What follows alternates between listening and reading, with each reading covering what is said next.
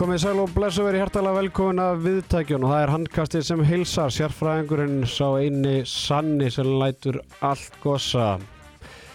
Fjórúði desember annar í aðvendu og menn eru komin í jólastöð. Umferðin ekki lokið en fjóri leikir af sex eru búnir. Við ætlum að fara yfir þá leiki sem eru búnir í já, 11. umferðin en basically samt í 12. umferðinni. Meirum það síðar.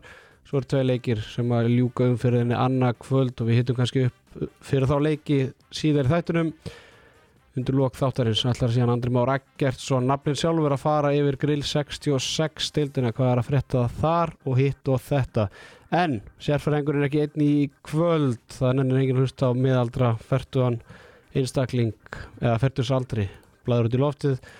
Hjá mér Yngvar Örn Ágússon Bissan, verður hjartalega velkomin ekki í fyrsta skipti en í fyrsta skipti í langa tíma Það er betur að kveikja megnum. Já, Já. gott að vera komin Já, takk fyrir sem leiðis og Guðmundur Rúnar Guðmundsson fyrir um þjálfari fjölnis hvað, aturlis þessa stundin eða hvað Já, í handbóltageranum, jú. í handbólta gera nú já. gaman að fá okkur báðið tveir Herðu uh, ég held að við sögum ekkert að fara eitthvað að bláður út í lofti hérna nýtu bara hverja einustu mínútu það voru frábæri leikið sem fóru fram í dag og tveir aðrir í, í gær fyrir beint í Garðabæin Ingar Örn Ágúrsson, þú varst í Garðabæinu hvernig var stemmingin? Já, stemningin eh, eins og vallathulun segir alltaf frábær. Eh, Neina, komur reyndar óvart eh, að stemningi var nokkuð góð í kvöld. Það var svona ágætla mætt og, og, og margir úr uh, Mosó og svona þó nokkur reyndar úr Garðabænum og stemningi var bara fín og hörkuleikur og frábær sigur á afturlningu Já, eins og Bissi segir afturling fór með þryggjamerka sigur að heim í Moselsbæn 29-26 eftir að hafa leitt í háluleik 12-10 Blær Hinriksson gjössanlega frábær í liði afturlingar með 10 mörg úr 13 skotum og Birki Benediktsson 6 mörg 1 úr 13 skotum. Jón Kúkabótt frábær í markinu sérstaklega í fyriráleik var með 9 varða bolta þrjá í setni þrýr þarna undir lokinu. Og ræðum aðeins Jón Kúkabótt Guðmundur Rúnar hann var á eldi í fyriráleik Hann var runni frábær og, og tók svolítið tennunar úr stjórnumennum svona út af því að stjórnan voru að skapa sér ágættis færi og hérna, en hann var alveg að geta og hvað tók hann tvö vítið það ekki fyrir áleik og, og hérna, já, hann svolítið setti svona tónin. Já, en hann, hvarf, hvarf aðeins í, í setnahólik og en, en Gunni Magg held tröstiðinu, Brynja Vigni fekk ekki tækifærin á að breyka einu víti að með minnir og hérna og hann tók hérna þrjá mikilvæga bolta í, í setni háluleik Adam Tostesson var með 12 varða bolta í stjórninni Tandrimar Konradsson markaðastur með 5 mörg úr 10 skotum var lengi í gang. Leo Snær með 5 mörg úr 7 skotum allt úr vítum. Pétur Átni Haugsson 4 mörg úr 7 skotum. Þrjá stóðsendingar, sennilega hans besti leikur í vetur, Bissi, þú varst ánægð með hans framlagi í þessu leik? Já, mér varst það bara geggjaður og, og svona þegar þeir voru að gera eitthvað allu að því að að hrifsa þetta til sín, það var náttúrulega jafn leikur svona lengst af að, að þá svona var hann að taka skarið og, og það er ekki alltaf sem að sér það en ég var bara mjög ánægð með að sjá, sjá til hans sko, varst hann uh, langbestur í stjórnuleginu mm -hmm. uh, Ótrúlega sigur aftur er líka 29-26 uh, saga leiksins er náttúrulega eiginlega þegar Þorstedt Leo meiðist virðist hvað rótast á, á bara þriði myndu leiksins. Já, ég held að, ég held að hann bara dotti út sko. Já, já, og, og, og þá kemur Gunni Mallin á miðuna og hann snýr sig og ökla sex myndu síðar þá hugsa hann var, herri, þetta er bara búið í stjarnan er bara að fara einhvern veginn að sigla þessu í höfn.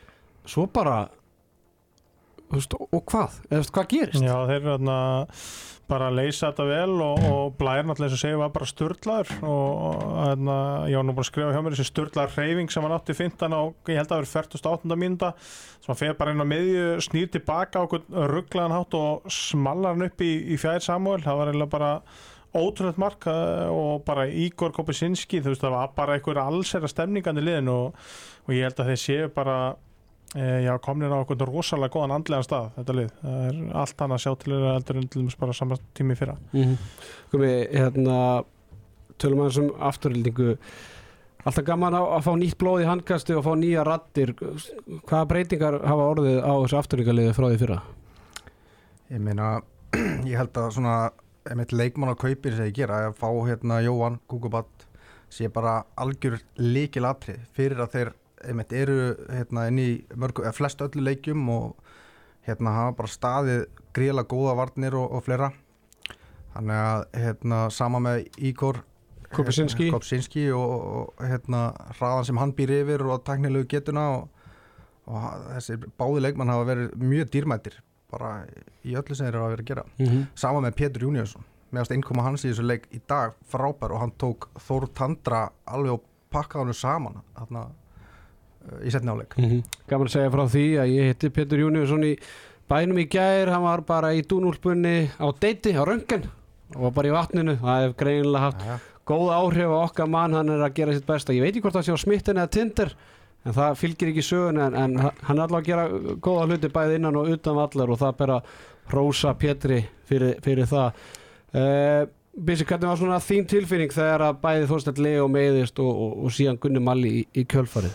Já, það er svona eins og þú sagðir aðan maður svona, ég held að flestir hefur bara hugsað ok, hv- hversu hratt fyrir þetta til stjórnar en uh, svo eins og ég segi, það er bara þessi eitthvað svona allsera stemning í, í uh, aftöldingarliðinu og, og þeir eru bara, finnst mér svona stemningu ofar heldur til þeim stjórnulið, það er bara stjórnulið er vissulega frábærlega mannaðar frábærar, frábærlega þjálfaðir þú veist, það er allt til alls í garðabænum.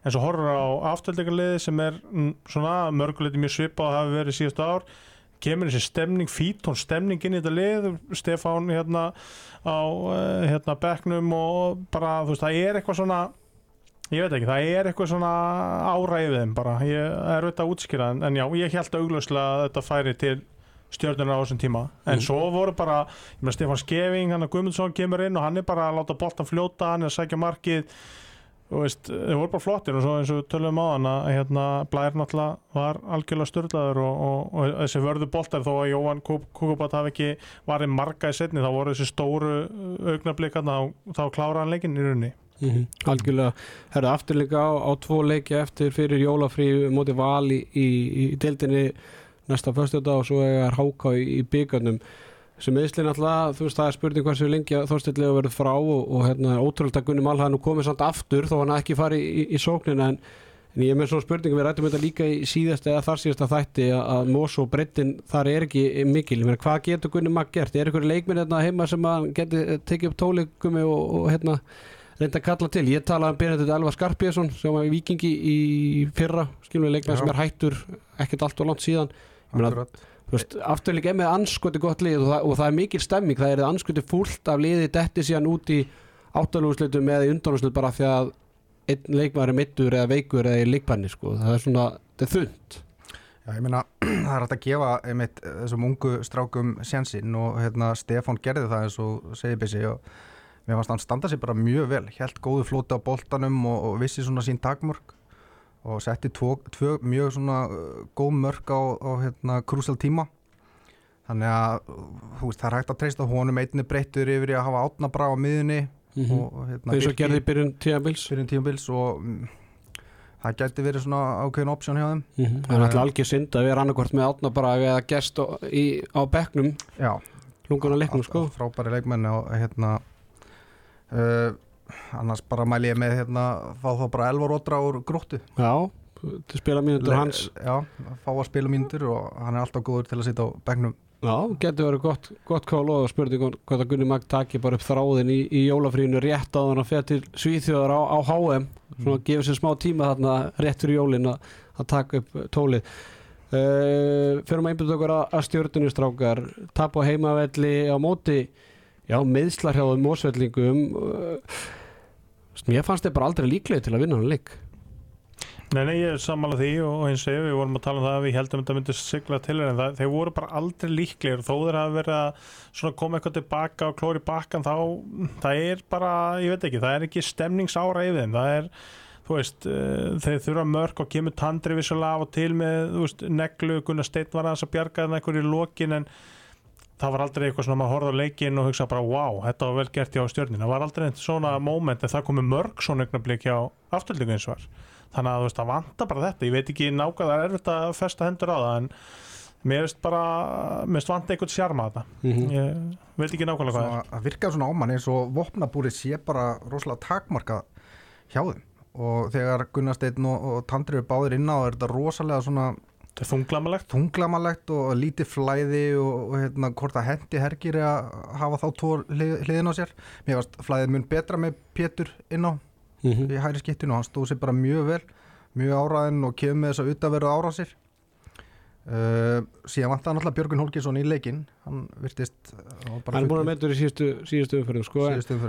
Hári Rétt Gunnarsteinn uh, var með tvö mörgur sjö skotum, tvær stóðsendingar Herger Grímsson þrjú mörgur fimm skotum enga stóðsendingu það er ekki oft sem við sjáum hérna, Herger ekki eiga eina stóðsendingu með, hversu langt getur þetta stjórnulið farið og, og, hvað vantar í lið til að þú veist þetta lið bara ég meina, þeir eru bara erfiðleikum með að tengja saman sigurleiki sko. Já, það er spurning, Patt er örgulega búin að vera að velta þessu mikið fyrir sér. Já, nú, ert þú komin til að gefa honum rétta svarið. Rétt að svari, já. Hérna, ég, svo sem þeir breyta náttúrulega rosalega hratt á milli varna og tíma var komin hérna, hann hrannar í, í þristin ég hef ekki séð það áður. Nei, uh, hann, hann virðist vera að breyta rosalega hratt og ört á milli leikja bara svona, alltaf Brynja Hólm var ekki með. Brynjar Holm var ekki með. Þannig að- þeir byrju, og já, reyndu þarna 5-1 með herki fyrir framann og mér fannst það ganga allt í læ Þú veist, það voru, þá lokuðu þeir algjörlega á miðsaði fyrir skotók frá Þorstinni sem var bóttið markmið og en hérna svo vantar bara svona já, vantar aðeins meiri í vopnabúrið fyrir þá sóknarlega Mm -hmm. Geta alltaf ekki kvarta undir markvæslinu Adam Þorsteinsson með 32% markvæslu 12 varða bolta, Arnur Freyr með 50% markvæslu 4 varða bolta Yngvar Nákursson búin að vera lengi í boltanum hvað er að gerast í stjórnunu og, og er þetta bara rétt stjarnan verður alltaf stjarnan eða? Já, ég sé stjórnun ekki vinna hann stóra altså, já, ég held að sé ekki fara að vera líklegur Íslandsmeistar næsta árum. Ég, það er þessi ára sem ég er að tala um sem að, sem að vantar, en það vantar ekkert skilið, þið horfðu á stjórnun, hvað vantar? Þú veist, þetta, er, þetta eru bara bestu leikmennir í öllum stöðum er, þú veist, með fullnægandi mannskap allstar, en, en svo, eins og Gummi bendur á, það er þessi þessi kemistriða hjá leikmennum og ég meina þú ert með tvo kannski svona þingri leikmenn sem er að gera nákvæmlega sömu hlutin á vellinum og þú veist, þá er bara einstað eftir einhvern veginn fyrir utan, það vantar þetta svona að synga vera kannski með þrjá ólíka leikmenn og, en Pétur Átni vissulega síndi það í dag, að hann getur, þú veist komið og brotið þetta svolítið upp en veist, þá er það hann Herger og, og einhver þá er það annarkort Handrið Gunnestedt sem er ekki að spila, þetta er bara ég held að þetta sé smá hausverku fyrir patta að finna finna rétta flæði sko. Ég, en ég finn það ekki fyrir hann sko en það var, mér finnst ekkert vanda mér finnst ekkert vant í stjórnuna stemning í húsið vissulega, þeir spila stemningun á teipi það er skrítið, þú veist að það vantar stemningu bara í fólkið. Nú ert þú mikill stemmingsmaður, er, er það ekki bara næsta leiðið það? Bara Yeah, spila, spila fólk í gang? Ég meina þú veist, þú ætti að spila stemningu í ykkur, ég meina færðu stemningun í gangi, ég veit ekki ég, ég held að þú veist, það er ykkur innri ró sem að vantar hann í, í, í Garðabæn Já, ég, ég, allavega sendi batakveður á, á styrmi félagminn Stimma Snikker sem að er heima veikur og hann sendi mér skilabóð rétt fyrir þátt og sagði bara Guð, djúðlega guðslífandi feinunar 39 gráður og þurfi ekki að ræða hennar leik. Þetta er, þetta er minna strákar, ég myndi ykkur að vera garbæðingur og vera í- kannski ymmit handbólta þengjandi stjórnum að þetta er óþólandi þú út mikla væntingar fyrir þetta mót og, og, lítu helviti vel út í fyrstu umferð og síðan er þetta bara hingað að þangað. Já, þetta er svona rosalega lítið, hérna, lítil stöðuleiki í því sem þeir eru að gera og, og hérna, það verið sem bara þegar eitt eftir út hjá þeim, eitt, tveir þá, fer, þá verða mikla brotalamur á þeirra leik. Mm meina, fyrir mér á bara stjarnan að vinna afturlíku heimavelli. Fyrir mér á stjarnan að vinna afturlíku heimavelli þegar afturlíkur án Þorsteinslegu og mér finnst stjarnan eiga að vinna afturlíku heimavelli Þorsteinslegu og dettur út og Gunni Mal. Klálega, Já, já, leiksins, sko. ég held að sé allir sammála því. En þetta er búið að vera saga stjórnunar í, ég veit ekki, átt ára eða það er búið að ansið langur tími sem þeir eru svona að vinna með svipað hluti finnst mér. Já, ég er náttúrulega hérna, sjálf kallaður sérfræðingur er, er oft spurður um svona frá uh, þessum uh, vestu fíklum hvort að, hvað, hvað er betti hverju umferð og það var einn góð maður sem spurði mig er, er stjarnan að fara að klára afturlendingu og káa að fara að vinna gróttu? Ég sagði það er tvent í, í lífinu, aldrei betta á stjörnun og aldrei betta gegn gróttu síðustu ár sko, þannig að ég held að það er nú alveg skila sér í í úslitunum sem að urðu í dag því að vindum okkur norður heiðar þar sem að káamenn og gróta mættust í ótrúlegu leik sem endaði með 33 jattefli eftir að staðan hafi verið 15-14 fyrir gróttu í hálfleik. Ótrúlegu leikur fyrir norðan í gríðala mikilvæg leik fyrir bæði lið bæði lið í 9. og 10. sæti fyrir þessa umferð.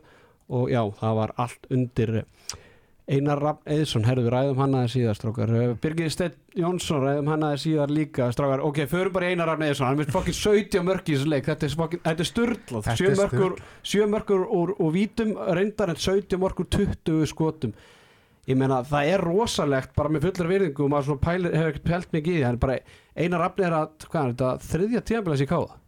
Já, það veist- ekki, þriða og hann er bara með þetta lið á herðu sér. Er þetta eins manns liðið það?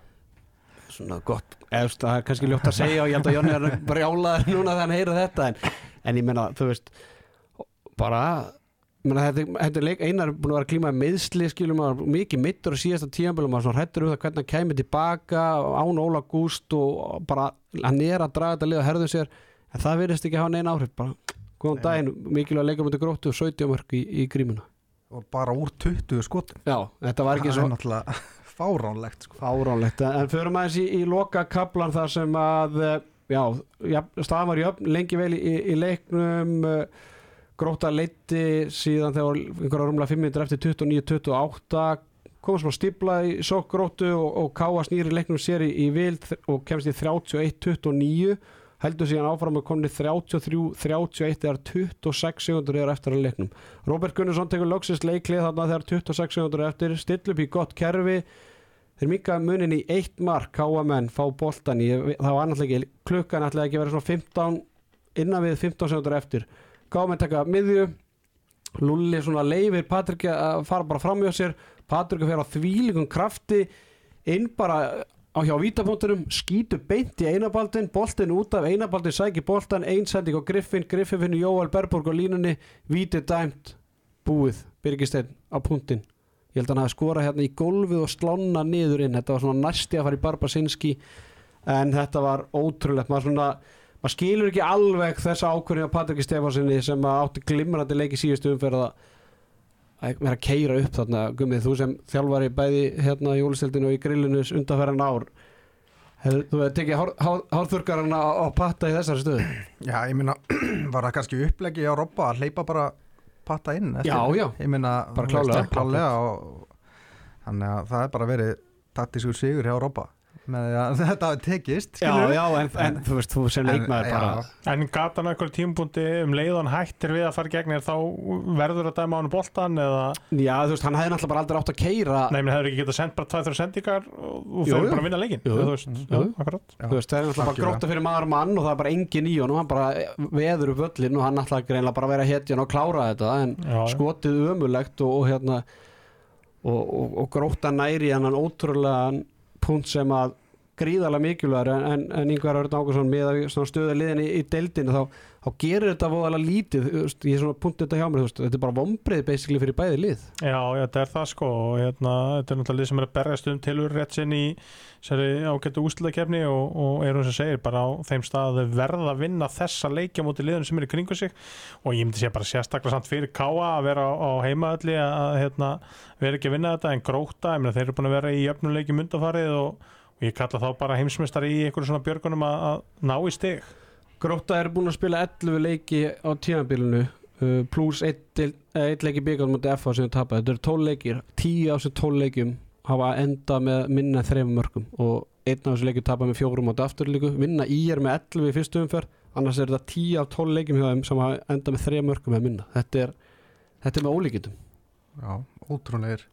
Uh, Spurning með bara svona, já, loka kaplan eru menn óstressaðir eða svo leið sko Já, þú veist, En að samanskapið þeir ná að vinna upp sko að þeir eru undir, Já, þú veist, undir og þá er eins og núna á móti herði og Já. þetta er bara tapaði leikir. Já, já. Þú veist, en að samanskapið eins og segir líka þá ef þeir eru að vinna og þá eru að missa á líka niður Ég, ég, Ég ég, reyna, hvað- ég reyna að útskipta þannig bara að það er eins og grótt að fara bara alltaf á þann stall sem að anstæðingur er á. Já, það er góð punktur. Skilur Það við, góð þú veist, það Já. og, og það er náttúrulega svona hluti af einhverju ferli, skilur við, að þú erður náttúrulega, eða mér, þú veist þeir þurfa að læra náttúrulega að vera betra liðið. Já, já, og, og þeir hafa ekki sínt það í vetur, nei, skilur við, jú, gerða það mútið í er, skilur við, eftir kannski bröðsög að byrjun í fyrstu umferð, eftir svona 10, 15, 20 mínútur, þá kláruð þeir í eringana en í hinum leikjunum, ég meina, þú veist ótrúlega fúlt fyrir gróttum en eftir þegar fyrstu umferð er, búin að vera eina liði sem tapar stíja mútið herri til dæmis. Já, já, að og samt ná að vinna það stig. Þetta er, þetta er mjög skrítið vinna sko. sko.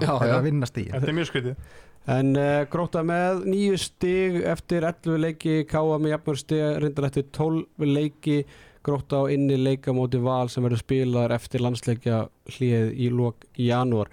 Birgistedt Jónsson, hann kom heldur betur uh, sínu liði til Bjarga, var gjössala sturlaður í setnáleika, hann var farin að hætta að horfa á anstæðingarna, hættur að senda niður hótn á Jakob eða á línuna, hann bara kerði þetta allt sjálfur, og gríðarlega mikil orka í þetta hjá honum og hann endaði með uh, 11 mörg og 14 skotum. Það er líka helviti góð, góð sko, skotending. 70, er umlega 78% skotending 5 stóðsendingar 2 tapaboltar, 1 fiskavíti Birgistöld Jónsson hann hefur verið já ekki svona eins og hann hefur verið undanfærin 2 ár en, en þetta er leikmaður sem að gróta þar algjörlega á að halda í, í þessu formi. Alveg klálega, þetta er hérna mínum að þetta eitt, eitt sterkasti svona allega leikmaðurinn í deildinni. Og hérna Uh, og hann hefur bara verið ómissandi fyrir gróttu síðustu ár og, og hérna, einmitt, gefur rosalega mikið af sér, maður sér það bara inn á vellinum og, og hérna algjörlega MVP í þessu leik, liði sko. Uh, en einni hefur Lúvík stíði gríðilega vel upp á þessu tíanbili mm -hmm. svona smá sjátat á hann og hérna hann hafa gert mjög vel úr þeim mínundu sem hann hefur fengið og, og svona reyðið smá bakkamunin ofta á erfiðum tímapunktum. Mm, Algjörlega, hann með 6 mörg úr 7 skotum í þessu leik, Lúli er náttúrulega búin að vera glíma mikil meðsli á þessu tíma hann náttúrulega meittur eiginlega allt sumarið og, og meiði síðan aftur, þetta er búin tvö höfuhögg það er búin að sauma hann tvísvara þessu tímabili. En hann er svona að koma með það hlutverk núna þegar allir eru heilir, hann er komið inn sem varamaður og ég er, ég meina hvort það hefur verið á móti haugum og ég eppil herði líka sem er að skora 2-3, eða móti hérna síðasti leikur að sem fór, já móti Selfossi þú veist, það, þegar ekkert gekk þá kom Lulli og skoraði tvö öll mörg og, og, og breytti aðeins svona mómentinu fyrir, fyrir gróttu. Þannig að hann er að skora þessi auðvöldu mörg sem að þú veist, þú færði ekkert allstaðar eða frá öllum, þannig að og Thijs Kokk Sannekar sem var gangleitur í síðasta þætti var með fjögur mörg úr, fimm skotum. Hann var svona skotendingin hans og, og bara fjöldi skota hefur dvalað mikið hjá honum síðustu leikjum en hann kom svona ágætlega inn, inn í þennan leik. Einabaldvin Baldursson var með 12 ára bolta, var frábær lengi vel leiknum svo klukkan er valla bolta í, í setna hálfleik. Og það er náttúrulega eiginlega basically vinnur hann vinnur þetta stig með því að verja þetta hraðaplöf undir, undir lokin aðeinslega tíðindi að hann hafi skrifið undir nýjan tveggjara samning í, í vikunni. Ekki nema 6 mánum áður að hann gerði tveggjara samning þannig að hann var basically bara að vera að loka gatinu þannig að hann Já. getur ekki sami við nýtt lið eftir árumot ég, ég lesi þetta ekki nema þannig í, í þetta þannig að hann, hún vil greinlega líða vel í grótunu og ætlar að halda tryggvið nesið, það er alltaf gott að vera á nesinu. Áður við förum í, í káa gummi, svona bara þitt teika á grótuleginu og, og hérna svona innkomið Róbert Gunnarsson er í, í dildina bara runniða sem maður séð og, og annars líkt þá hérna hafa er bara staðið sér mjög, mjög vel. Uh, þeir verða fyrir þessu skakaföllum að byrkist eitt dettur út í hérna fjóra-fimm leikið ekki og, mm -hmm. og hérna og komist bara nokkuð vel frá því svona spilalega sé uh, undanfarið við með fundist með þessi Thijs Sandegard hann hérna hefur svona, svona dróð aðeins á honum og, og, og svo leiðis sama þegar Lúvík dettur út og, hérna það hefur vant að kannski aðeins upp á breyttina og annað slíkt. Uh, aftur á móti eins og í hotnónu hérna þá eru þeir alveg mjög vel mannaður og hérna það hefur verið mjög krúsel Þorgebjarki og og Ágúst Emil í svona úslita köpnum leiki verið að setja jafnuna mörkin og, annað slíkt. Þannig að mér, ég held að Robby sé bara að gera mjög vel úr þessu sem hann hefur já mm -hmm. Sam, Sammála. því, byrsi, sammála þessu? Já, klart bara, ég bara með þess ekki ekki og bara gaman að svolítið komin á Lula, ég held að fá hann sjálf svona preysið, hann er svona X-faktor típa og ótrúlega gott að hafa hann til að búa til auðvöld mörk og hann er með handbólta heil upp á tíu finnst mér og, og hérna og svo bara var ég að penna sem er Birgir Stein þú veist, hversu góðu var hann í öðru lið, öðruvísi lið, þú veist, mm. væri hann geggjaður í stjórnum í dag, ég veit það ekki. Mm -hmm. að hann er einn af allra mikilvægstu leikmenn Já, ég held að svona, veist, það er erfitt að svara því held ég, þú veist, það er tvent ólíkt að vera góður maður í liði sem er að berjast á þessum staði í dildin en, en hérna, þú veist En enn og aftur, þú veist, Birgis er það bara verið þessum ham ef gróta allar að komast ja. í þessu úslættikefni, sko, þetta er bara hans langbæsti leikur í vetur og, og bara gríðarlega jákvæmt bæði fyrir hann og allt gróttulega að, að hann stýði svona upp og líka á ögur stundu því að það leiti ekkert rosalega vel út á tíðabli setnáleik hjá gróttunni mm -hmm. og, og Birgist, ég er ekki alveg með á hreinu ég held að hann hafi allavega skorað eitthvað 5, 6, 7 mörg bara síðustu 20 minútunar skiljum og ef hann dettur í ham þá er hann bara rosalur algjörlega Þetta er bara svona gamevinni típa og Já. sama, ég held að gróta verði bara jafn gott og eina baldin stendur sig. Ég held að hann sé algjör líkil maður, bara Já. í öllu, öllu sem þið gera.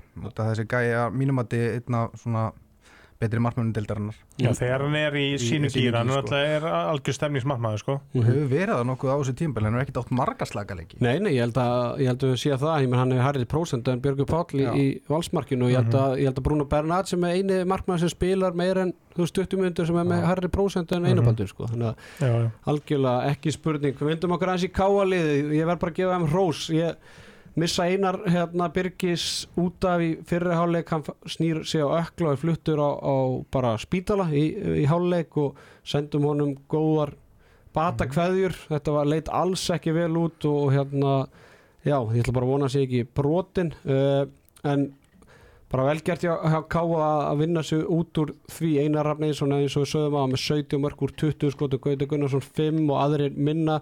Nikolás Satsjál með 6 varða og, og Bruno Bernat 2 þannig að þeirra ná, ná í stig á móti gróti í krúsarleik með ekkert frábara markvöðslu uh, Gummi Jonni Mag hann er að hann er ekki með besta leikmannópin í, í deildinni og, hann alltaf kom í, í símavital til okkar aðeins fyrir í vetur að sem við vorum ekki að reyna að greina það hver markmið ká voru og eina sem ég náðu út úr því var basically að þeir eru bara að reyna að gera sitt besta og verða betur með hverjum leiknum. Finnst þér, finna svona einhverja, eða sjá okkur framþrón á, á leik káaliðsins, leik frá leik og svona miklar breytingar á markmiðum káa ár frá ári eftir að fengi Óðinn, Arna Frey Einar Rafneiðsson fengi hérna Óla Gús síðust ár þá svona svolítið mikið dropp Þetta er svolítið mikið dropp og ég held að, að þeir séu bara rauninni á þeim staði dildinni sem þeir eiga að vera á. Það er ekkit annað sem segir að þeir eiga að vera eitthvað ofar en hérna, stíðin segja og, og fleira og svo þegar við tölum með framþróun og, og fleira þessu líkt þá kannski svona sem þjálfari sér það einn leikmar er að skora 17 mörg síðan fá þeir hvað 8 mörg úr, úr hótnanum í þessu leik uh, það er rosalega lítið að frétta frá úr miðjumannstöðinni og, og, og skiptustöðinni Patrikur átti fínan leik í síðustu umferð mm -hmm. en svo hvað er hann með núna? Hauðskupuleikur í dag Já, hann að þú veist, það er rosalega mikla sveiflur í þeirra leik og hérna já, og þeir eru bara á þeim stað sem þeir hérna eiga að vera núna með að við gæði sko. Mm -hmm. við séum þetta ekki bara sammála því þetta er, þú veist eins og við vorum að tala um á þetta er náttúrulega bara eina rafn og svo er þetta litlu strákandir hans og Jonna basically. Jú, jú, og hérna ég man eftir þú veist að inna hérna Jonna skilgrina hvað hva liður ætlaði að vera að, þú veist, ég held að ég get ekkert skilgrinn sig, ég held að sé að, þú veist, ég held að hann reyndar ætlaði bara, þú veist, hann finnst að vera með besta hóp í heimi held ég og ætlaði bara að verða já, meistarar það er hægt Já, já, vilja af er í úslutukefni eðlilega og þú veist það verður bara skrýta að vilja það ekki en þeir eru í samanlökum á nákvæmlega saman stað að, að, þeim stað sem þeir eiga að vera á. Og hérna þú veist Káa, Grótt og Selfoss er að berjast um þetta áttundasæti það er bara þannig. Mhm. Það káa haukar í, í lokaleik fyrir fyrir jól við ræðum alltaf haugana eftir káa hauka fyrir norðan. Það hefur nú alltaf verið erfið ná, ná káa menn hérna í tvö stig fyrir jólafríið þar eða, eða veltur það svolítið mikið á því bara hvort að einabyrgi verði lengi frá eða ekki það Er þetta ekki alltaf bara X hana? Er ekki alltaf X hana á Akureyri? Ég, Já, það er, er góð spurning þetta er nú orðið nokkur jafntilbæð þannig fyrir norðan á þessu tímabili já. Herðu, vindum okkur í næsta leik sem framfór í eigum leikur IBF og Vals þar sem að Valur unni 38-33 en áður fyrir lengra að heyra viðtal við Erling Richardson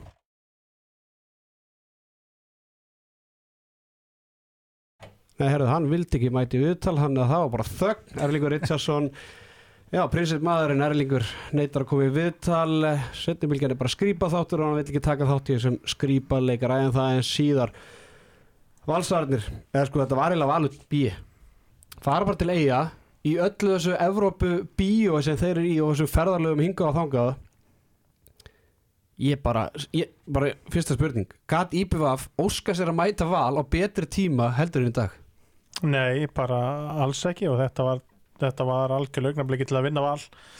En svona með hvernig leikur bara fór á stað þá var bara eins og eigamenn væri alls ekki klári í, í þetta þetta verkefni og, og mér fannst bara, auðvitað er ekki þannig en það virkaði þannig í sjónvarpið að eins og þau bara væri áhuga lausi sko, þeir voru að kasta boltan upp í stúku og, og ég veit ekki, það var, mér sk- mjög sérstök byrjun á leik hjá íbjáfliðinu og mér varst þið bara aldrei líklegin en svo náttúrulega komuð þér aftur inn í leikin en, en jú, uh, stuttasvarið hefðu ekki getað fengið val á tímpunkti Nei, lokatölu 38-33 sem Daniel Ragnarsson var markaðistur eigamenn með 7 mörg og 7 skotum. Frábæri leikur í honum og langbesti leikur hans í vetur.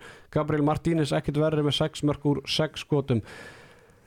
Aðrir minna Rúna Kárásson með 4 mörg og 8 skotum sennilega hans langdabrasti leikur á tíðanbíl með 5 tapaði bolta. Petar Jókanovic, PJ Sigfusion með 6 varða bolta, 80 brós markvæslu og Jóhannes Esra Esra í lukku, 1 mark 1 var í bolta úr 12 tilröðum 8% markvöðslu Tölum hans um íbjöfstrákar áðurum fyrir í, í valsæðarina Byrjum á því að Jóhannes Esra Esra í lukku, hann byrjaði inn á klukkaði eitt bolta.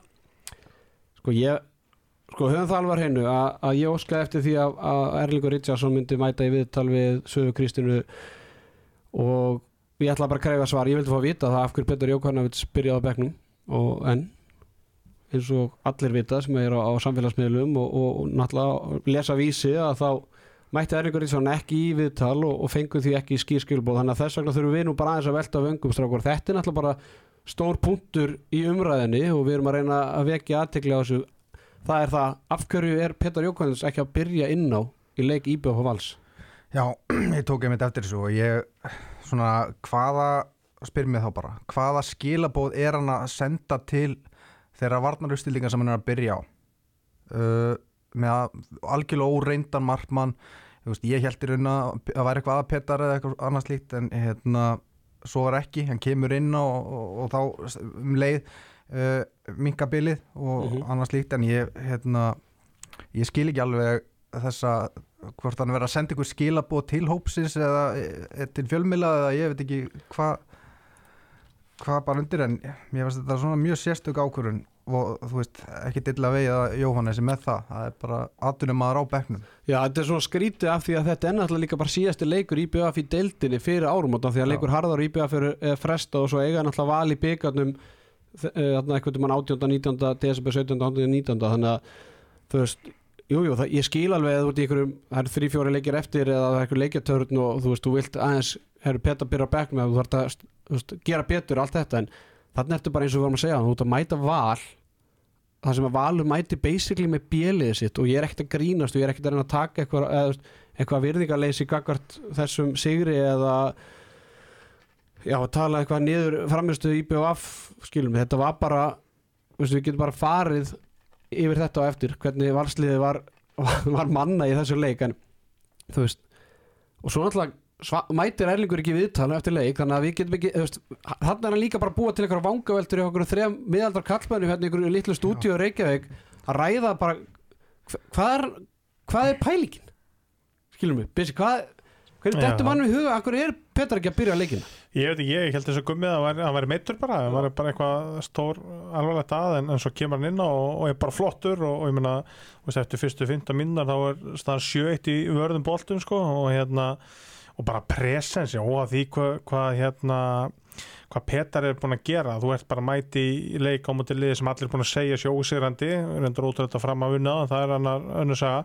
En hérna eh, þú veist, skilabóð eins og gummi segir skilabóð í vörnina, skilabóð einhvern veginn inn í leikin, þú veist, eh, ég veit ekki átt þetta peppa, pettar, átt að, ég, ég hef ekki hugmyndu það, en eins og segir það hefur verið gott að vita það, ég ætla sem ekki að dæmi ég veit ekkert hver staðan á Erlingi var, akkur hann kom ekki að viðtal ég bara þekkit ekki, en en rosalega skrítið allan að fara í þennan leik, veist, mér finnst þú ekki verið að senda sigur skilabóð með því að hafa þinn besta markmannabæknum, ég er bara ekki nema að sé eitthvað auðvitað getur eitthvað verið sem við, við vitum ekki hvað er en við auglustlega getum ekki ringt í það því við mengar upplýsingur það, mm -hmm. þannig ég veit ekki. Valsarði komast snemma leiks í 6-2 og, og breyta síðan stöðun í 12-5 en á, á góðum, góðum, eigamenn á góðum kapla þar og skora 5 mörkur og minka munni í 12-10 en eh, staðan í hálfleik 17-19 fyrir val.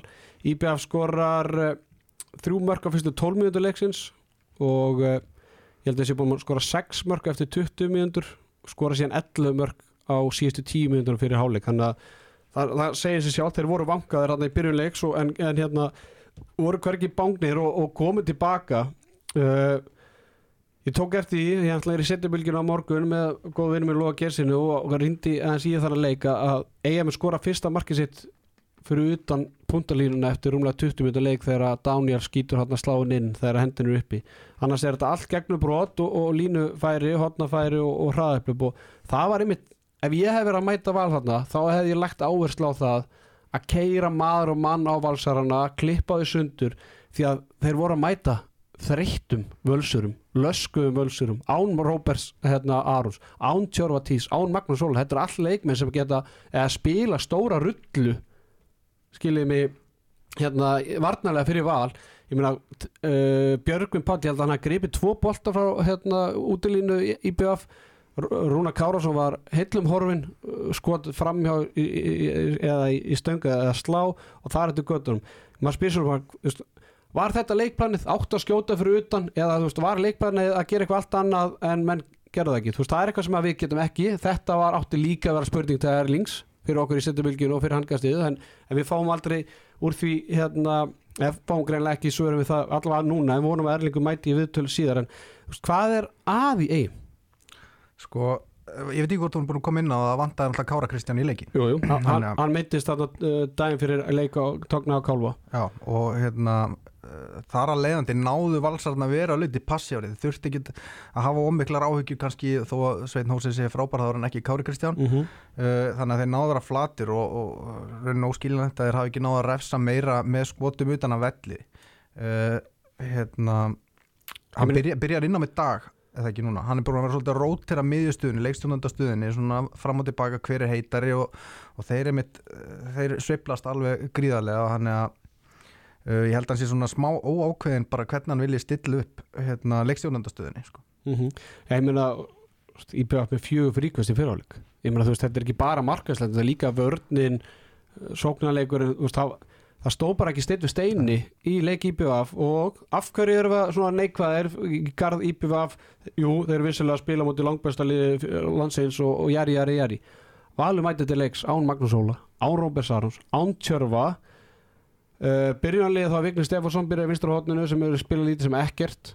Bergur Eli Rúnarsson byrjar í, í hægra hótninu Tryggvi Garðar byrjar í vinstri skiptinu sem spila lítið sem ekkert. Ár og Dagur í bakverðunum og séu þetta bara gamla bandið hérna, eða unga bandið, Arnur Snær og, og Benni á, á miðinni ég meina þeir bara leku sér að þessu og eins og ég sagði á hann, koma sn- snemma leiks bara í 6-2, 12-5 þú veist ég, ég bara ég, ég hafði, gríðalega áhugjur á því að Valur myndi bara tapa þessu leik nokkuð sannfærið og við hengjum skell eftir erfið tapmándi Pák á leiðinni síðan í mjög erfiðan leikum að fyrir hann Kvarós en ég meina er bara, er þeir svona ógeðslega miklu betur en öll önnur liði þessar dild eða hvað? Sko, þeir hafa allan þá trú að þeir séu langbesta liðið og þeir eru búin að selja held ég okkur og flestum öðrum að þeir séu langbesta liðið. Og, og það samt kemur óvart að liðið sé ekki að mæta en bara algjörlega fullum krafti og, og það komur bara óvart hvernig þessi leikur fór á stað hjá eigamönnum einmitt í, í þessari törn, við fórum öðru að náðum, þetta var bara fullkomið augna til að mæta þeim. En svo er þeir náttúrulega með gífurlega breytt. Ég menna Bergur Eli sýnir það náttúrulega galið að hann spilir bara ekki mjög mikið í hvernistu umferð. Eða skiljið minn það eru bara frábæri leikmennu bekknum ég menna og Aron Dagur er að komast inn í hlutinni á val. Þetta er aðtunum mann í handbólta skiljið þannig að þú veist þeir eru auðvitað ókvænlega manna en það hefur sínt sig um tíðina, það er ekkert nóg. Það er eitthvað bara í ganginu með Snorri Steinn er búin að selja öllum hugmyndina um sig í liðin, þeir trú allir á hann að hann sé að fara með þá bara í úrslitaleik Európa-kefnar og það er bara hugsalega að fara að gerast, ég veit ekki þetta er, skrítin til, tilfinning og tilhugsun en já, þeir eru eins og staðan er núna uh, hvernig þeir ná að selja sig er þeir bara langbesta liðið? Bergur Eli Rúnarsson títnændum með 8 10 skotum, Arnór Snær Óskarsson 6 mörgur 10 skotum, þar af 8 stóðsendingar.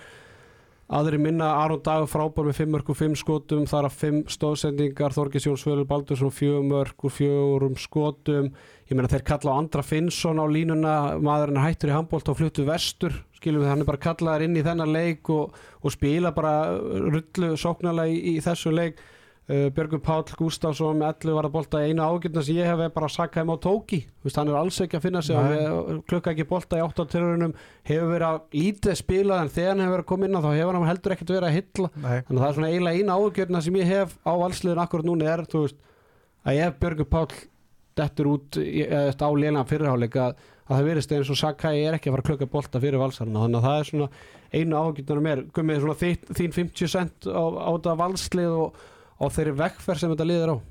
Sko, ég hérna horfði á hann leik og mér finnst hérna eða þess að ég er búin að horfa flesta le- leikina hefði mærvöfleikinu og fleira og ég vil bara hrósa Benna og Arnóri bara, veist, þeir eru komnir bara svo að háan klassa að það skiptir einhver hvaða leikmenn vantar í kringu þá að þeir eru alltaf, taka alltaf sína ábyrð og hérna og skora alltaf sín örgum mörg og með stóðsendingar og fleira þannig að þú veist þeir eru bara komnir á það háan stall að ég, svona, ég gíska að þetta sé síðasta tíðanbili þeirra í deildinni. Það er alveg bara mjög hár klassi sem búa yfir þessi drengir og, og hérna þó að Magnús Óli dett út og komið svona óvantar hetir eins og Bergureli í síðasta leik það eru þessi gæjar alltaf svona þeir keir upp tempóið þegar þess þar íbjöf minkaði þarna niður kannski tvisvarnir í eitt, tvö mörg þá bara tóku Benni og, og fleiri bara á sig og, og hérna keirið tempóið bara upp og náðu aftur þryggja fjara morga fórustu ég meina staðinni 21-22 uh, Valsarni skoraði 21-23 Arnón Snæður stelur boltan eftir miðin og skorar þannig að þeir breyta stöðun 21-22, 21-24 á einhverjum 7,5 sekundu eftir það er leikurinn eiginlega búinn þú veist, þeir komast í 23-28 og þá er eins og segi, bara leikurinn eiginlega búinn, algjörlega rétt hjá þeir og, og hérna e, þú veist eina sem maður hefur ágjur af núna fyrir utan kannski Saka í, í markinu er veist, þessi meðsli hjá Magnús Óla. Veist, maður sá hann ég, ég tala bara um mannréttindabrót hann hafi verið að spila þarna á móti Pák í Fraklandi var, þetta var ekki eins og haltulegði blindan sko. þetta var bara sárkvalin einstaklingur að spila handbolta skiljum við fyrir ykkur að tíkalla. Og samkvæmt mínum heimildum finnst eh, held ég að hann spili ég vel ekki móti fyrir kvarús þú veist þetta er orðið það alvarlegt að þú veist þeir verða bara að fara aðeins að, að gefa manninu breyk en ég held hann að hafi nú farið með til Ungverðarlands, ég held að Vigni Stefánsson fari ekki með til Ungverðarlands konan hans er vist bara að fara að eiga á næstu dögum með vikum þannig að það var engin, engin sens að tekna það ég meina Steven Tobar Valencia var greinlega kvildur þessu leik. Rétt kemur inn á þetta í vinstri bakverðin og, og, og hérna leysir hann af varnalega þú veist ég talaði um þetta líka, ég held að stjarnan hafi mætt í val þegar valsarði voru svona svipalaskaðir og, og valur klára það bara nokkuð samfærandi. Núna, veist, ég bara hugsað þú veist, hvernig tilfinning er þetta inn í hópin á IPVF að bara tapa sannfærandi á móti val á heimavelli þegar þeir eru án bara basically já, veist, hvað er, hún mikið að segja allspyrjalisins, jú Steven, Robby Maggi, Tjörfi skilum við þetta er fjórir leikmenn en minna valslið er náttúrulega bara með tvö og hálft byrjunarlið, skilju, þeir eru náttúrulega bara með þeir eru rosalega vel mannaðir og, og þú, það er líka bara þetta sem er búið að búa til að allir sem kom inn, þeir eru bara geggjaðir þeir eru á sama tempo allir hinnir og, og þú veist það vantar ekkert upp á neitt einasta leikmann. Og eins og Gummi sáðum, það er bara svo gott og það er svo rétt að, að hérna, Arnór og, og Benni þeir taka alltaf sína ábyrgð, þeir eru bara þeir eru einhvern veginn á öðru leveli hvernig þeir hugsa leikinu, sjá leikinu, spila leikin Arnór, Arnór Gjössalega frábær í, í þessum leik með eins og ég sagði hann, átta stóðstendikur og sex mörgur tíu skotum. Herðu, við verðum að ræða Erlingur Ritsarsson strákar áður en við förum í, í næsta leik. Ykkar teiku það að, að þjálfarar mæti ekki í, viðtöl?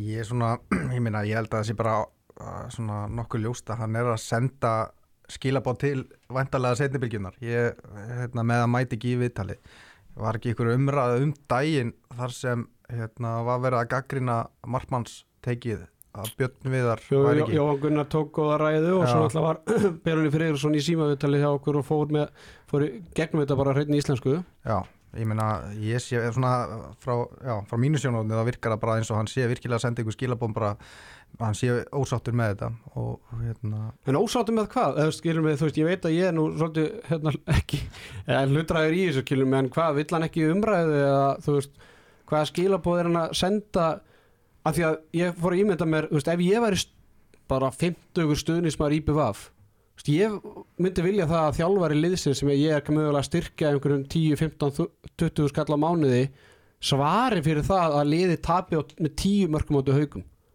Skiljum, bara eiginlega kaldast að liði deildaran tapi á heima allir nokkuð sannfærið móti bíliði vals. Mhm. Já, skiljum við, algjörlega. svari fyrir það okkur Björn Viðar sé hættur. Já, já, akkurat, ég meina uh, auðvitað er það bara hans ábyrð Þú veist, hann er ekki í viðtali við setni bylgjuna. Nei, nei, skiljum nei. við, veist, þetta, er- við erum bara fjallum deildina við erum að reyna að vekja umtal og allt þetta. Veist, hann er að svara fyrir sitt algjörlega, ég, ég er algjörlega sammála því að auðvitað að þjálfara mæti viðtali ég er bara svona að segja það sem ég held að það sé í gangi hjá að hann er bara svona að senda ákveðin skilabóð með þessu ég, mitt, ég, ég kom með svona, ég bjóð til lista fyrir þáttin í dag svona aðtilsvert hérna svona menn sem að gætu mætti viðtöl í önnu, öðru liðum ef þjálfarði fær að senda aðra menn í viðtöl og ég ætla bara að lesa upp hérna listan. Ég væri til í að, að, hérna, að kemur ekki orða stóri steitmyndis til að senda bara Hlinn Mortens Mortens í viðtöl. Erlingu gæti sendt Gumma Pöng Já, konginn í eigum, hann geti mætt í viðtöl og, og hérna, Steini Ardal geti sendt Sigga Bakara hérna konginn, liðstjóra liðsins í viðtöl það væri áhugavert, samanskapi geti Áskjörn Hallgrímsson sendt Hör Davíð liðstjóra, það væri aðteglisvert og myndur vekja mikið umtal. Þóra Álfsson geti sendt Kjartan Björnsson Rakara svona aðeins að fara yfir málinn og, og Róbert Gunnarsson geti sendt Þóri Jökul Fimboðarsson í, í viðtöl. Uh, Patti, Jó, geti sendt Kaladan í viðtöl það væri skemmtilegt, náttúrulega Kalli Dan hættur í, í stjórn, í stjórnunni en ég menna að þú veist það er bara um að gera að senda bara einhverju viðtöl fyrst að þjálfarnir vil ekki mæti viðtöl. Framararnir, Einar Jónsson geti sendt Valtí Björn Valtísson þú veist, hann fylgist mikið með boltanum og, og geti rætt kannski stöðu fram í, í deildinni. Íringandi Bjarni Fritz geti sendt Sæfaþór Gunnlaugsson konginn á, á, á gramminu, hann geti komið í viðtal hann alltaf var hérna, eitthvað á bekknum hjá Ír á sínu tíma. Afturhilding, Gunni Magg geti sendt eina skefing skilur mig, ennþá meiri kong sem að, hérna, er á bekknum hjá afturhildingu og er í kringu lið á hverju einustu leik. Harðamenni Karlos getur sendt Braga Rúnar Axelsson góð fyrir þáttarins, það var nú fjörreitt af hann ég í- mjög til að sjá það viðtal. Já, og svo geti Jonni hérna, Jonni Magg sendt Gunnar Nella.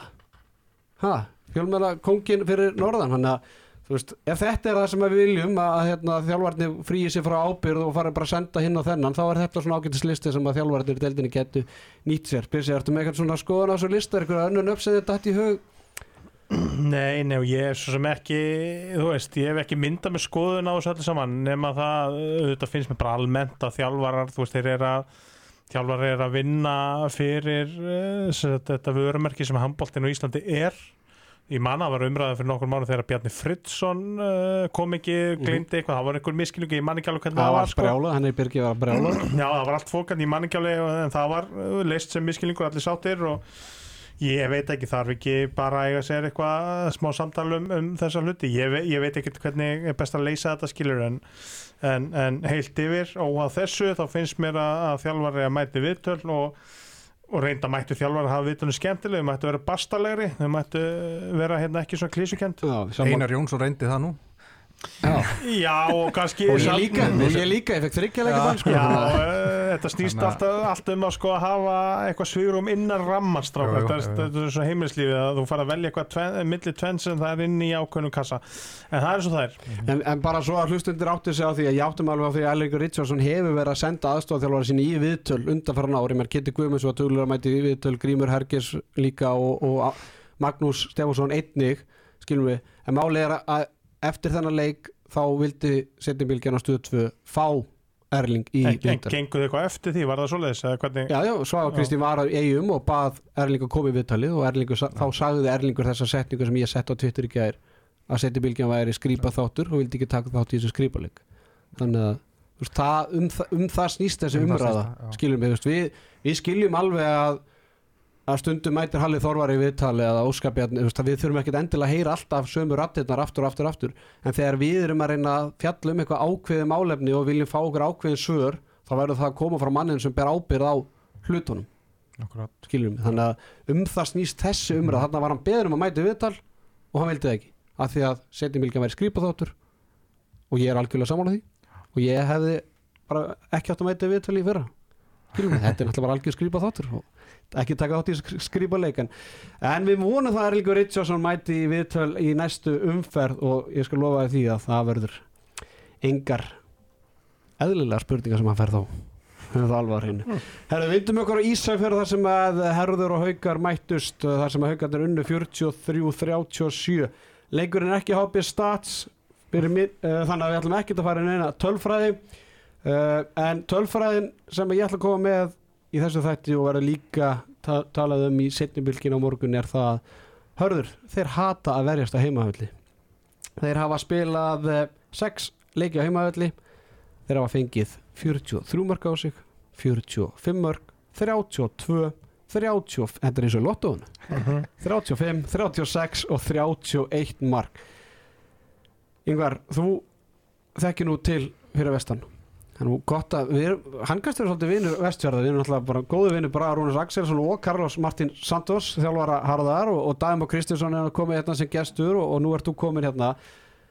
Svona bara þín 70 cent á framistu Harðar bæði, ekkert endilega í þessu leik en bara svona í vetur og, og bara svona stemmingin á, á bakveit allt saman. Já, já, ég held þeir reyndar vissulega þeir var búinir að vinna leik eh, á þessu, þessu augnabliki í deildinni. Ég var svona var eiginlega handvis að það uh, stela einu tveim sigurum á móti til dæmis IR og, og, og KA en svo voru þeir bara komin stittir en maður held og það var meira vesen í leikmannóp og voru fáir hérna í upp á tímbils en hérna já þeir hafa náttúrulega eins og segir uh, lagt minna púður í, í varnarleikin þeir séu nú alltaf að að reyna að þróa hann. Og ég meina þeir fengu stigum til grótundaginn og ég spurði nú Jón Ómar Gíslason uh, uh, sem ég þjálfa nú sín tíma þegar var bara krakki, tíu ára gamall eða eitthvað og uh, spurði nú daginn hérna hvernig það hefði verið varandi þetta stigum til grótu þú voruð sátti með að fá fyrsta stíð sitt í sögu deildarnar uh, þetta er sögu félagsins í efstu deild?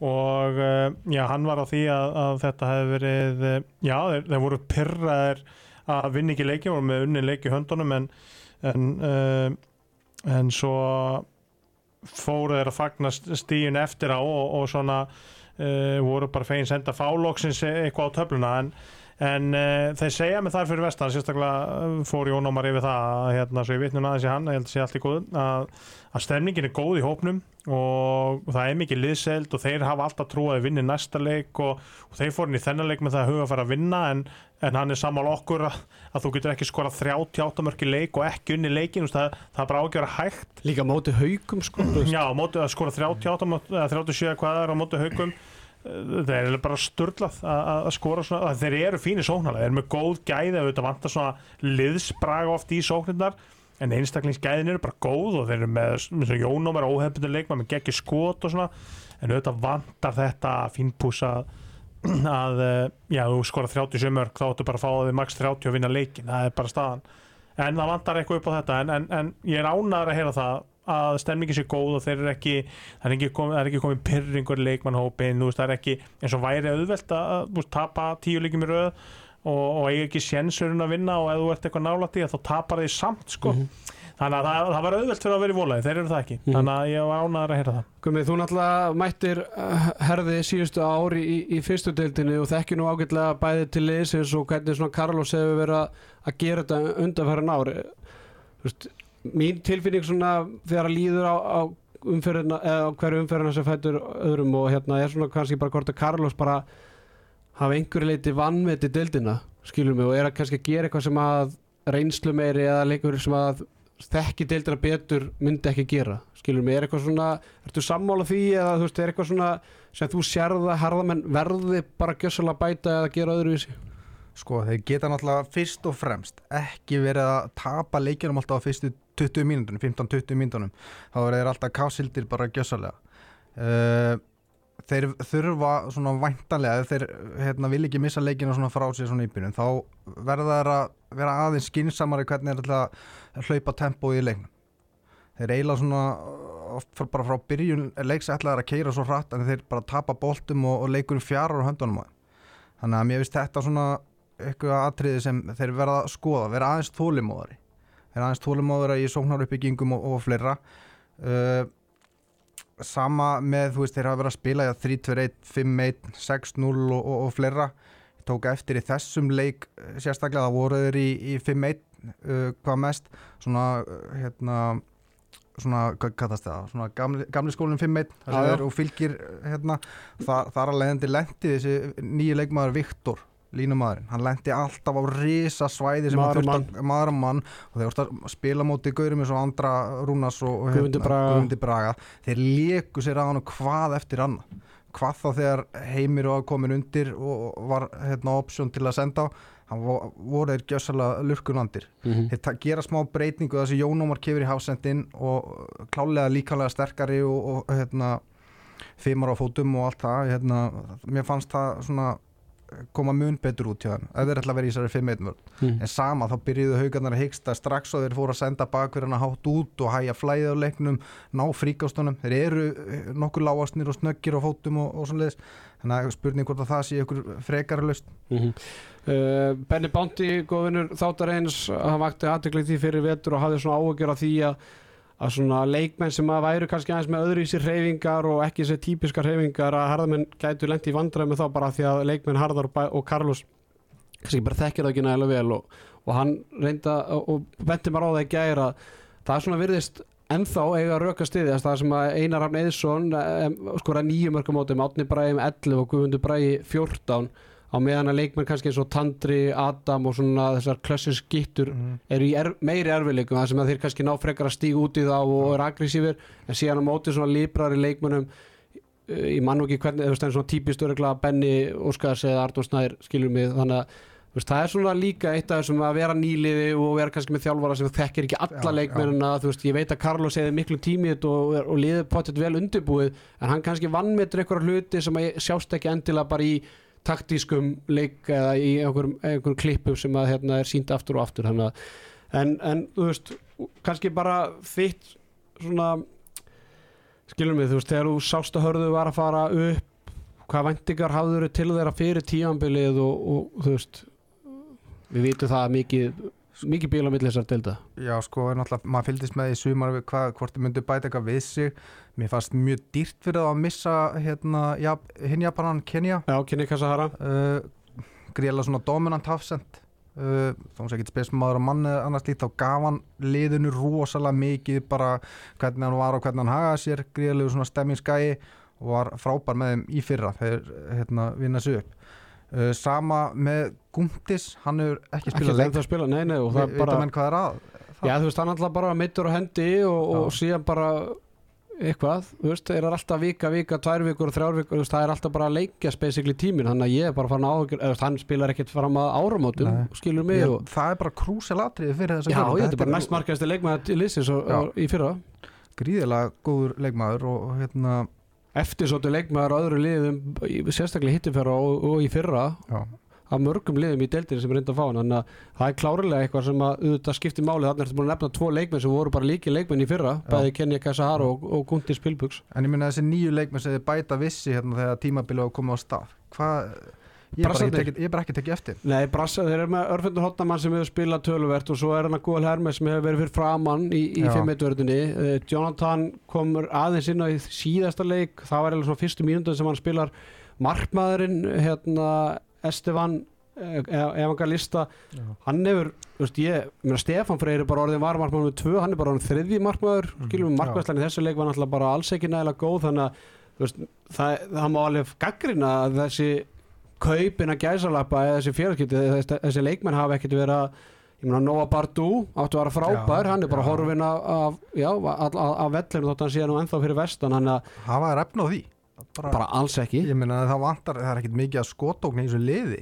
Nei, nei, alls ekki, ég meina besti leikmann er basically leikmann sem ég er rettaði um Sukuru Igafa, þú veist, japanski leikmann sem er bara á 0 krónum þannig að veist, það má alveg gaggrina kaup Braga Rúnars hérna í þetta lið, þetta er erfið markaður og allt þetta, en hann hefur ekki verið tilbúin að fara í einhvern króata eða serba, hann hefur verið að fara langt Já. út fyrir sjóndaldarhingin og, og leita bæði til hérna Eistrasalts ríkjana eða Og svo? Japan og- og Brasilíu. Jap- Japan og Brasilíu og Argentínu og annað þannig að Hann- Ég held sko að eins og þú segir, ég held að sé bara þeir, þeir eru að koma náttúrulega rosalega ólíkum áttum einhvern veginn.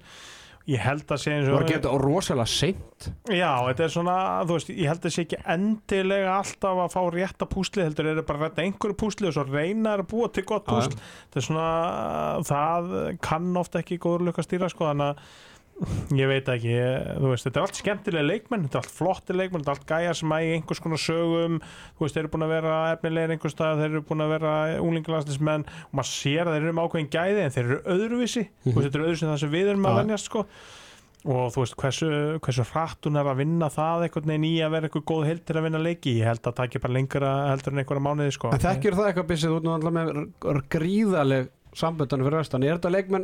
þeir eru ekkert að tjálta bara til leita nætur veist, þetta eru leikmenn sem verða áfram á næsta tíma Já, það er stefnan hjá bara langflöstum held ég, ef við göllum og, og, meina, og þeir eru með háleit markmið, ég þú veist, það er búið að setja pening í þetta, þú veist, og nefnir hana vissuleitin Japana sem er frítað að nafnir til, sko, en, en þetta kostar allt og þeir, meina, það er ekki íslenski leikmenn sem vilja fara vestur, þú veist, ég skilða svona í, í fyrstu hugsun, þannig var því ég líka áðurinn flutti vestur, sko, þetta er ekki hug.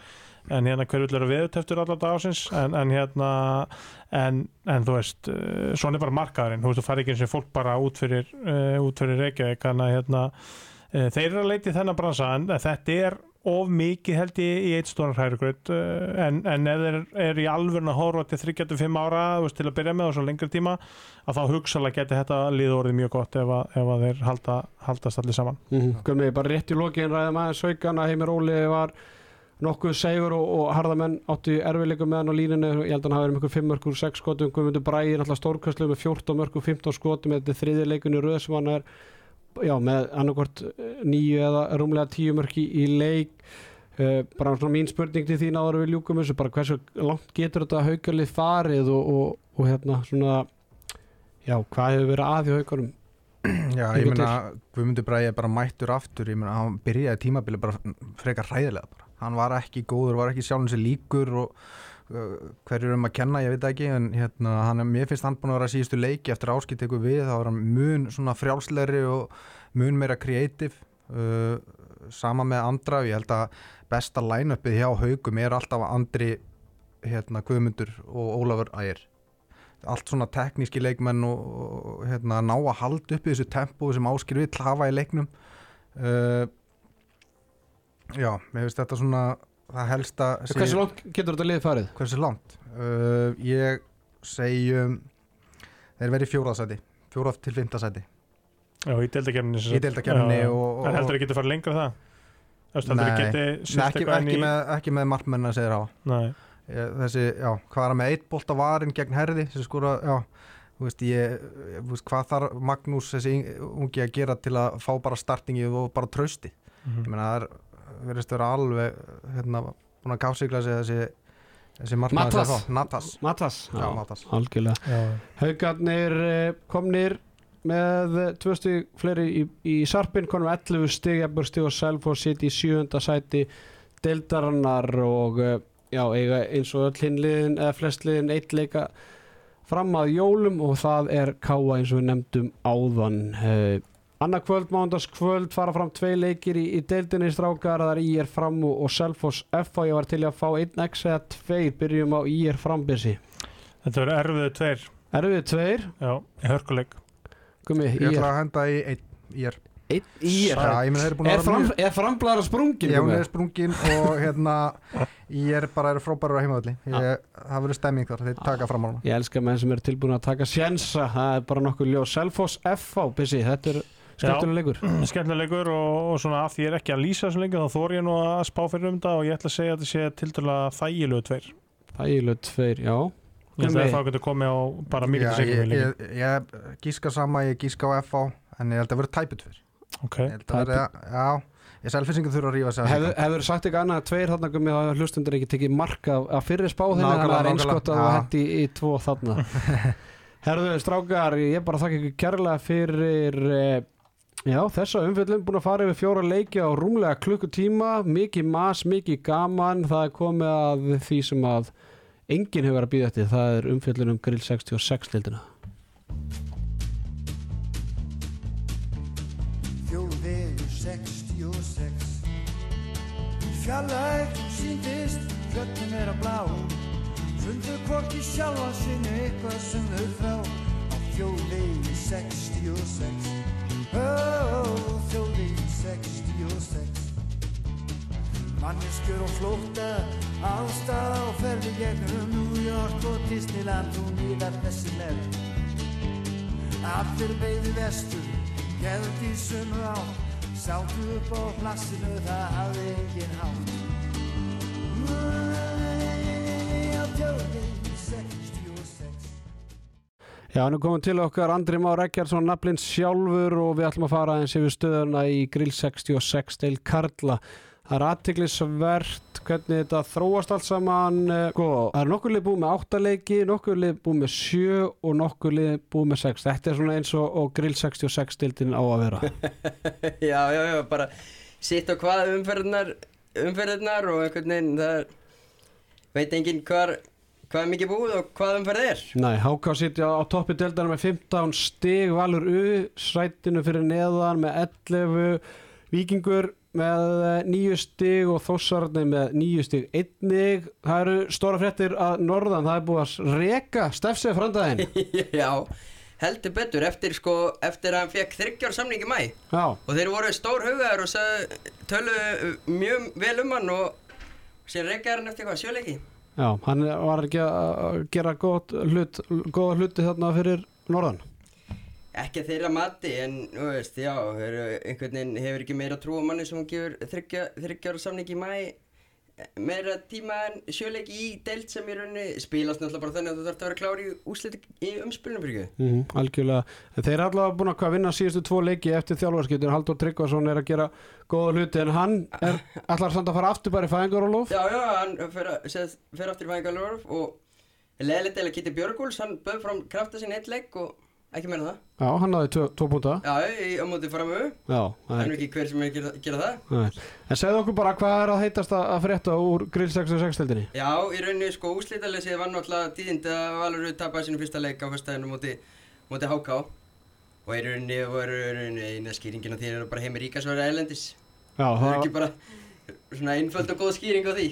jú, ég er ekki frá því að það sé nú bara góð, góð og gild ástæða og gott að skrifa það bara á það að Heimir Ríkarsson var ekki á svæðinu. Já, Eitthvað meira að- frétta? já, já, já, ég er, hérna, ég er með grillfréttir í rauninni samt bóði bara þór.is Það er rauninni alla fréttirnar koma, koma þaðan. En þeir komast inn á aðbræðirnir Geir Kristinn Aðarsteinsson og Sigurpáll Átni Aðarsteinsson taka við Þór út tímbilið og Þór er í rauninni að fara sömu leið og Háká gerði á sínum tíma þegar þeir eh, fengu Ólavíðu og Villagöta til að klára tímbilið með þetta sem endaði þetta með frábærum árangri en það er svolítið kannski fyrirmyndin hjá þeim í þessu því að þetta eru náttúrulega gæjar að miklu Þórs fjölskyldu og að báði spila með Þór og er- eru að þekkja allt aðna mhm. Uh, er eitthvað svona sem hefur komið meira óvart heldur en annað í, í deildinni? Það var eiginlega bara úslitin í leik fjölnins og Selfossu 43-44 Já, það var, það var mjög óvænt úslit. Já, við sem, sem áhuga mennum góðum varnarleik þótti þetta ekki skemmtilegt. Nei, sérstaklega ekki þú sem var uh, tilbúin að standa og djöblast í vörninni hér á, á sínum tíma. Já, já, já, menn sagði alltaf að minn besti kostur var að hérna, ég gæti spila tvist í vörn. Já, Ég bara gerði það ekki. Nei.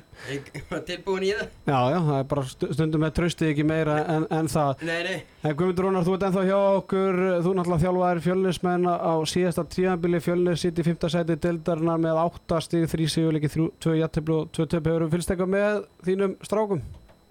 Já, já, maður alltaf, hefur alltaf annað auga á þeim og fylgst með svona náðu einhverju leikjum, en sá hérna til dæmis síðasta leik hjá framuðu og, og gegn framuðu sem endaði sér jattefli en hérna annars held ég þetta sé bara svona menn eru bara að byrja þú veist, við nákvæðu verkefnið þurft að breyta slatta hlutum frá síðasta tíðanbili og svona strútturum og hann hefur breytt alveg ímsu þannig að það tekur líka bara tíma og eins og þú sagðir á ég meina þetta snýst bara um ég meina hákáður að fara rúst þessari deild.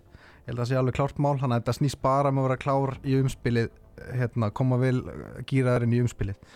Ég held að það sé eina Mm Það er ekki rétt hjá, hjá Guðma kallurum. jú, gummi þekkir þess að deildin út og þetta er þetta einmitt sem ég kom inn á með þjálfaraskiptin.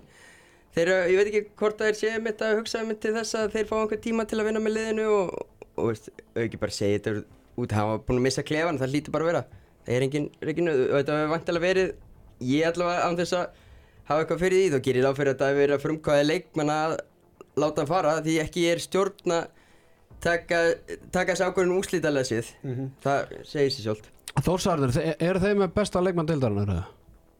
eini leik sem er lögin á þeim Já, Konstantín Pe Petrov. já, Hann er búinn að vera óstöðandi í leik Þórsara og, og veist, allavega það sem ég hefur hirt utan utanfrá að, hann hefur bara verið gjössalega óstöðandi. Hann er með 59 mörk í 8 leikum uh, þú veist, já, ég menn er þetta ekki einhver leikmaður sem að liðin í úrstildin ættu að fara að horfa í fyrir, bara fyrir næsta tíðanbíl Algjörlega, ég held að það séu mörg lið sem er að spá í þessum leikmanni og, í rauninni, og tala nú ekki um þeir myndi nú lita deildin ef, ef hann færi með HM og síðan er reyndar með það sko, það er spurning hvernig mótastjórinn sé búin að teiknum þá sviðsmynd og Þór missi leikmanni á HM Já, ég skal bara, hafa, ég skal bara svara það núna. Hann er ekki búin að gera, gera sig grein fyrir því. Þar sem að, jú, grill 66-deldin á að vera bara í fullu gangi þegar að þegar HM í, í Svíþjóð og Pólandi er á, í fullu gangi. Já, já, já, já.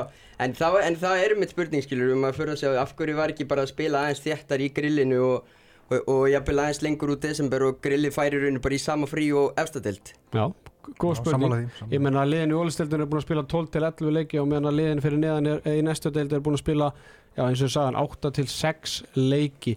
En förum að vinda okkur í, stóru málin. Er eitthvað fleira a- að frétta þarna úr, úr 66 deildinni?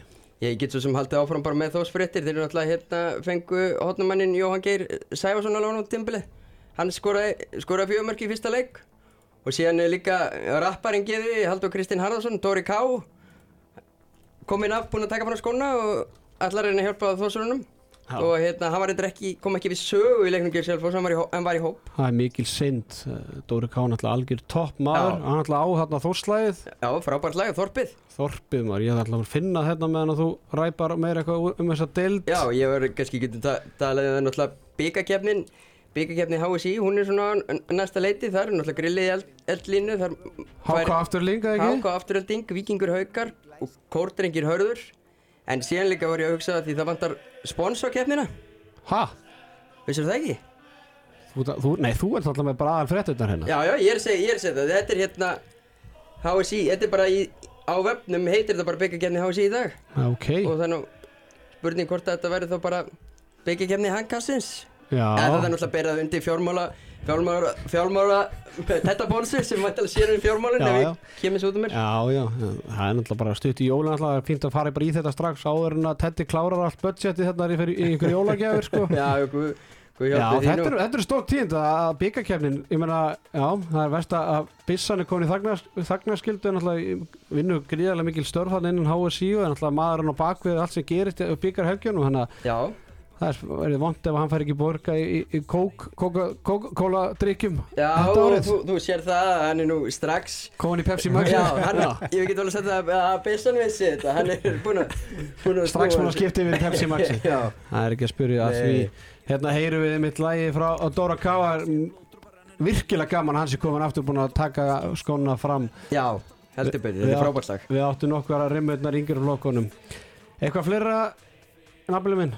Í sjálf og sér ekki úr þessu, ég kannski bara hérna get komið inn á náttúrulega hérna Samuel Ívar Átnarsson í, því þjálfur Háka Völustil Kvenna sem er uh, Frank de Boer handbóltans tapaði tapaði á móti fram í tveimileikum 74-30 Já, hvað tengist það grill 66 kalla? ekki neitt, ég bara var að leta á mig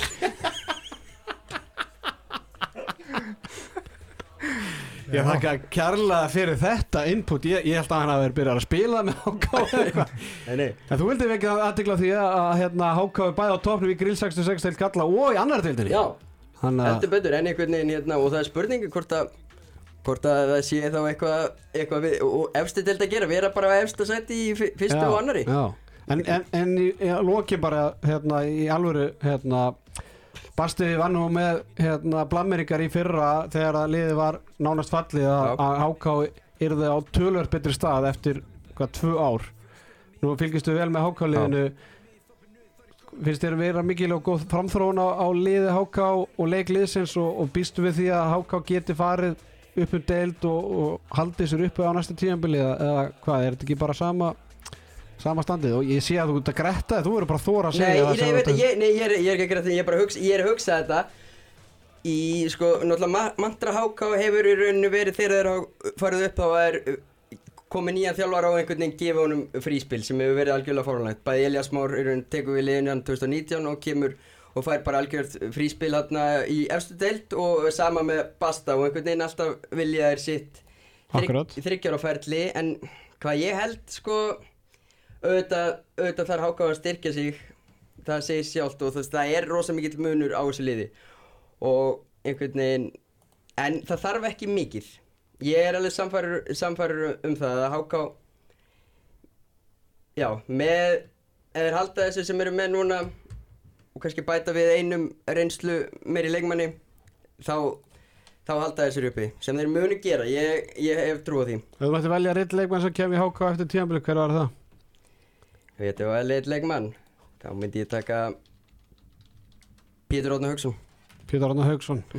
Þetta var alvöru val uh, Andri Már Eggersson naflin uh, konungur Ljónana í Grill 66 stildinni þakka kærlega fyrir þitt input og uh, við þakkum kærlega fyrir þessa já, þessa innkomu til okkar í handkassins. Við kannski rennum aftur yfir þetta í, í jólafrínu, jólisteilt Karl og förum aðeins og veljum kannski liðum fyrir, nei, lið fyrstu deildarinnar, svo far og allt þar eftir göttunum. Andri, takk kærlega fyrir komuna Takk fyrir mig Herðu, hann kannski verður ekki lengra í byli við þakka kærlega fyrir okkur. Við förum yfir loka umfyrirna fyrir jólafrí á mánundaginn eftir viku.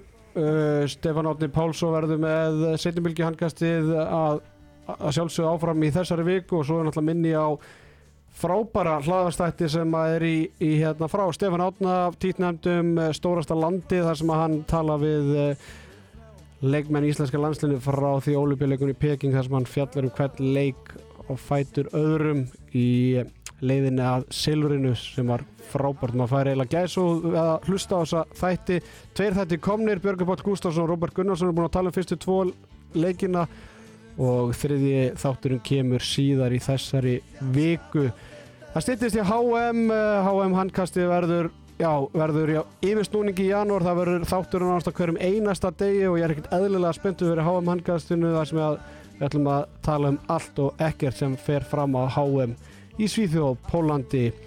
Þakka yngvari Erni Ákasinu og Guðmundur Rúnar Guðmundsson kærlega fyrir komuna og eh, við endum þetta á KK.